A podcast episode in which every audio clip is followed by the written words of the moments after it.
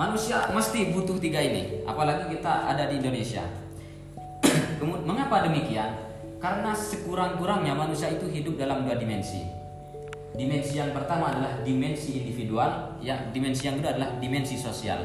Yang mana dua dimensi ini harus saling melengkapi. Yang apabila salah satunya tercederai, maka salah satunya akan gagal fungsi. Saya beri contoh seperti ini. Orang yang secara individual baik hidup dalam lingkungan sosial yang buruk, maka bisa jadi dia tidak bahagia atau mungkin bisa dipastikan atau bahkan sebaliknya. Nah, analoginya seperti ini. Orang secara individual baik, dia punya keluarga sakinah, istrinya solehah, rumahnya megah, mobilnya mewah, hartanya melimpah dan lain sebagainya. Tapi dia hidup dalam lingkungan sosial yang penuh dengan hiruk pikuk. Di sekitarnya banyak pemerkosaan tadi, banyak pembunuhan, dan lain sebagainya. Saya ulang lagi nih, dan lain sebagainya. Apakah orang yang secara individual ini baik bisa bahagia kira-kira dengan kondisi sosial yang seperti itu? Tentu kita akan sepakat mengatakan tidak. Kemudian yang kedua, sebaliknya, orang yang hidup dalam kondisi sosial itu baik, tidak ada perampokan, tidak ada pembunuhan dan lain sebagainya. Tapi secara individual kita jomblo kata tadi kan, jomblo, uang nggak ada, mau makan susah dan lain sebagainya. Kira-kira kita bisa bahagia nggak dengan kondisi sosial yang seperti itu? Nggak bisa. Gitu. Kemudian selanjutnya adalah jadi dua hal itu harus beriringan. Keluarga sakinah, masyarakat marhamah. Keluarga sakinah, masyarakat marhamah. Yang terakhir baldatun thayyibah. Kita butuh ini. Bayangkan keluarga kita sudah romantis. Lingkungan sosial harmonis. Uh, tapi negara kok kayaknya sudah bau-bau komunis seperti itu. Mantap. Banyak banyak undang-undang yang uh, kemarin mau dirubah, mau dirubah. Pancasila ingin dijadikan Trisila, kemudian ada ancang-ancang uh, Ekasila ini kan udah bau komunis banget. Meskipun kita istrinya cantik, uh, mobilnya banyak gitu, uh, uh, masyarakat itu tentram banget gitu. Cuma dengan kondisi negara yang seperti ini, masjid kok kayak mau ditutup, ulama mulai ditangkapi tanpa alasan yang jelas seperti itu, dibilang teroris lah. Tenang nggak sih kita sebagai umat itu? Enggak gitu. Itu yang harus digarisbawahi. Kita butuh itu. Uh, secara pandangan Islam. Kemudian terwujudnya keluarga sakinah, masyarakat marhamah, baldatun thayyibah itu tugas siapa? Apakah tugas mereka yang tidak beragama Islam? Atau bahkan orang yang tidak beragama? Bukan. Ini tugas kita. Itu kan.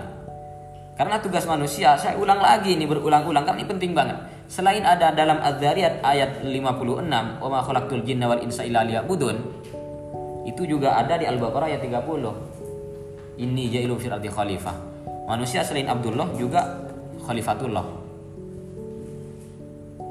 Nah, sekarang eh, karena kita punya tugas yang berat teman-teman, maka kuat yang selalu saya ulang-ulang di status itu adalah eh, tentu kan kita harus jadi leader semua, khalifah, khalifah, khalifah. Nah, makanya saya selalu mengatakan bahwa hasil memancing itu tergantung dari umpannya, sesuai dengan umpannya. Kalau umpannya daging kita mancing di laut, insya Allah dapat ikan yang besar. Tapi kalau butir nasi kita mau mancing di laut yang mana pun gitu, jangan harap gitu dapat yang gede. Kenapa? Karena umpan yang kita berikan itu kecil. Bukan makanan, bukan bukan makanan dari ikan-ikan yang besar. Begitu juga ketika kita ingin menjadi pemimpin yang hebat, menjadi orang besar dan lain sebagainya, maka pengorbanan kita juga harus besar. Makanya buatnya seperti ini. E, apa? Ada yang ingat kah? Hasil memancing sesuai umpannya. Untuk mencapai kuantitas dan kualitas, jiwa dan raga pun harus berjalan dengan kemerdekaan yang terampas. Tidak cukup, sebentar, tidak cukup mengorbankan waktu tidur. Namun waktu dan rasa rindu pun harus mati terkubur. Artinya apa? Kita tidak cukup teman-teman kalau ingin jadi leader itu hanya dengan uh, sholat gitu. Itu tugas Abdullah itu kalau kata Pak Ismail Najwi itu sepele jadi Abdullah itu tinggal sholat, pikir, ngaji dan lain sebagainya. Yang sulit itu jadi khalifah. Rasulullah diusir bukan karena beliau tahajud, bukan karena beliau orangnya jujur, bukan karena beliau puasa, tapi karena beliau menjalankan dakwahnya, ingin menebarkan Islam ke seluruh dunia kan seperti itu. Makanya kalau kita ingin jadi leader, makanya rindunya dikubur dan lain sebagainya. Kita harus tahu skala prioritas.